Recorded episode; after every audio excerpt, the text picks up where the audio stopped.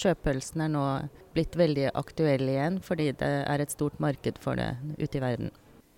Sjøpølse, kan det bli en ny norsk oppdrettsart?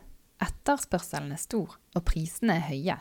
Men det gjenstår å finne ut hvordan man får sjøpølsen til å formere seg og vokse. Det jobber forsker Gyda Kristoffersen i Møreforsking med. Dette er Tekfisk, podkasten om forskning og teknologi i sjømatnæringen. Mitt navn er Camilla Odland, og straks får du høre mer om forskningen som nå skjer på rødpølse. Men først en kort melding fra vår annonsør.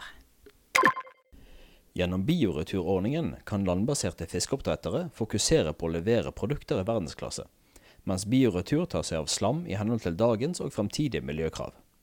Det kreves ingen investeringskostnader, og bioretur sørger for en bærekraftig utnyttelse av fiskeslammet, gjennom bl.a. gjødselsprodukter og substrater til biogassanlegg.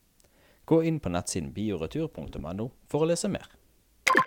Eh, Møreforsking har jobbet med sjøpølse siden 2004. Eh, Hvorfor er dette en art som er interessant for dere? Sjøpølse er en av de såkalte lurartene, lite utnyttede ressurser. Og det er eh, en av satsingsområdene til Møreforsking. Og de har jobbet lenge med lite utnyttede ressurser, og sjøpølsen er nå blitt veldig aktuell igjen, fordi det er et stort marked for det ute i verden. Og hvilke eh, arter har vi i Norge som kan bli kommersielt bærekraftige? Det har eh, vært spesielt to arter som har utpekt seg til å, å kunne være kommersielt interessante. Det er den såkalte brunpølsen og rødpølsen. Og brunpølsen blir eh, utnyttet av andre land, som Island og Canada, mens rødpølsen er den det er størst fokus på for norske aktører. Og hva kan man egentlig bruke denne rødpølsen til? Rødpølsen er, og sjøpølser generelt, er eh, noe de spiser spesielt mye i asiatiske land. Og særlig i Kina, som veldig mye annen av den litt rare sjømaten. Eh, det skal være en helsebringende produkt. Eh, den inneholder mye næringsstoffer som skal være bra for, eh, for det meste. Vit vitaminer, mineraler. Det er jo også en, en god proteinkilde. Og den har også eh, substanser som brukes til legemiddelprodukter. og så den er anvendbar til mye, og blir også kalt da havets ginseng. Eh, og når det gjelder å få tak i rødpølsen, hvordan er muligheten for å f.eks. fiske den? Det er ikke noe direkte fiske på, på rødpølse i Norge i dag. Så den, eh, det som fangtes, fangstes, det kommer som bifangst i, i trål og teiner. Særlig reke og, og sjøkreps. Eh, det vil kunne bli lov Det er ikke lov å fange dem med bunntrål, for eh, her kreves det da et skånsomt redskap for at man skulle få tillatelse til å drive direktefiske på, på den arten. Men hvis man får til en teknologiutvikling, kan det da være mulig at man får til et eget fiske av eh, rødpølse?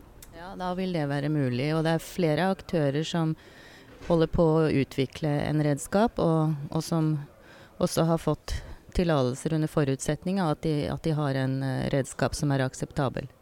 Men foreløpig er det, er det tilgangen kun fra bifangst. Eh, Og så kan man også drive oppdrett av rødpølse, og det er noe dere har testet litt. Kan du fortelle om det? Oppdrett av rødpølse er veldig interessant. Eh, eh, av eh, verdensproduksjonen så kommer nå 20-30% fra oppdrett, og, og det er da på andre arter enn vår. Så dette vil jo være en helt ny mulighet til å, å kunne øke volumet av rødpølse. Og det er eh, stor etterspørsel fra, fra Kina. Og hva må man gjøre for å få til oppdrett av eh, rødpølse? Da trenger vi veldig mye ny kunnskap om biologien. Vi vet veldig lite om rødpølsen. Hvor lenge den lever, hvor fort den vokser. Eh, hvor gammel den er når den er kjønnsmoden, og alle sånne ting som skal sikre rekruttering. Og, og dette vil jo være ting vi må starte med å få greie på for å kunne eh, drive oppdrett. Da må vi trenge Da behøver vi kunnskap om hele livssyklusen for å kunne produsere den. Og hva har dere fått til så langt? Eh, vi har akkurat så vidt begynt på eh, å tenke på oppdrett, og, og, da må vi vite litt om den tidlige biologien, og vi må se på å få, få, de til å gyte i fangenskap er én ting, så det har vi klart. Uh, og så er det jo å se på kvaliteten på, på rogn og, og, sperm. Vi uh, vil fortsette med å se om vi kan få til befruktning og etter hvert uh, produksjon av larver og yngel. Rødpølsene har flere larvestadier som man må mestre, som de skal igjennom og overleve. Så det er, et, det er mye arbeid som, som, må til for at man skal få til en ny art i oppdrett. Og rødpølsen er en helt ny art. Og hvor langt frem tror du det er før man har noe som ser ut som det kan eh, fungere? Det er jo vanskelig å si, men uh, våre arter i våre farvann er jo kaldtvannsarter. Og rødpølsen lever på veldig dypt vann, så der er det jo heller ikke veldig høy temperatur. Det vil si at uh, alle vekstprosessene vil gå antageligvis litt sakte. Så, så, vi vet ikke hvor mye vi kan, eventuelt kan manipulere med dette. Men uh, det vil nok uh, ta noen år før de blir, når kommersiell størrelse. Men igjen så vet ikke vi hvor gammel er en 20 cm sjøpølse f.eks. Så her er det mye spennende utfordringer. å ta fatt i. Og hvis det skal bli oppdrett av rødpølse, du sier han vanligvis er på dypt vann, hva tror du det blir eh, hvordan, Er det på, i kar på land, eller vil det være i sjøen, eller eh, vet dere noe om det allerede?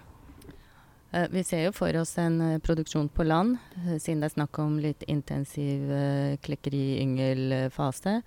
etter det, når de blir litt større, så kan man se for seg at man setter de ut i havbeite eller i et integrert akvakultursystem. Disse vil jo da ta rollen som en sedimentspiser, altså på bunnen. Og, og sjøpølsen, rødpølsen, er en lavtrofisk art, som jo også er viktig å utnytte. Og hvis man da får til dette, fins det produksjon til å ta unna, eller hva skal til der? Eh, parallelt så utvikles det jo prosesser og prosesseringsmetoder. Eh, markedet i Kina er stort sett tørkeutkjøpelse, så tørkeprosessen er jo viktig å, å, få til. Og det er det bedrifter som jobber med. Eh, de kan også selge saltet, slaktet, frossen. Men det er, det er veldig viktig at de blir eh, sløyet på riktig måte, tørket på riktig måte. Form og farge er veldig viktig for, eh, for det eh, kinesiske markedet. Og dette er også ting som man har prøvd litt på og undersøkt tidligere ved Møreforsking og andre. Men dette er også arbeid som man må, må utvikle videre. Og tilpasse det markedet sjøpølsene skal til. Det er alltid ulik smak og hva man ønsker å få. og hva skal dere gjøre videre nå med rødpølser? Ja, nå håper vi å uh, kunne tilegne oss mer kunnskap om biologien i de tidlige livsstadiene. Altså produsere egg og sperm og få de til å, å bli befruktet osv. Det er det vi håper på. Vi eh, er også inne på eh, å undersøke kvalitet gjennom året.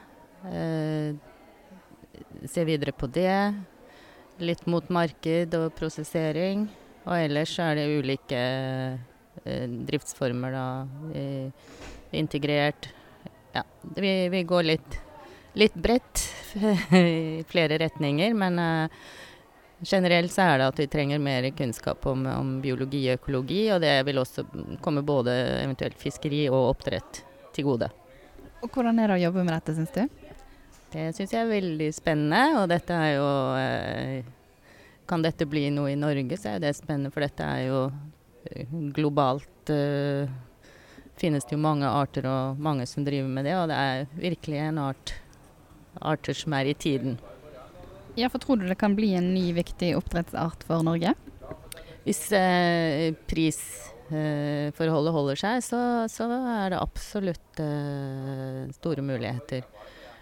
Men selvfølgelig med forbehold om at de, de vokser relativt greit. Og at vi mestrer det og får det til.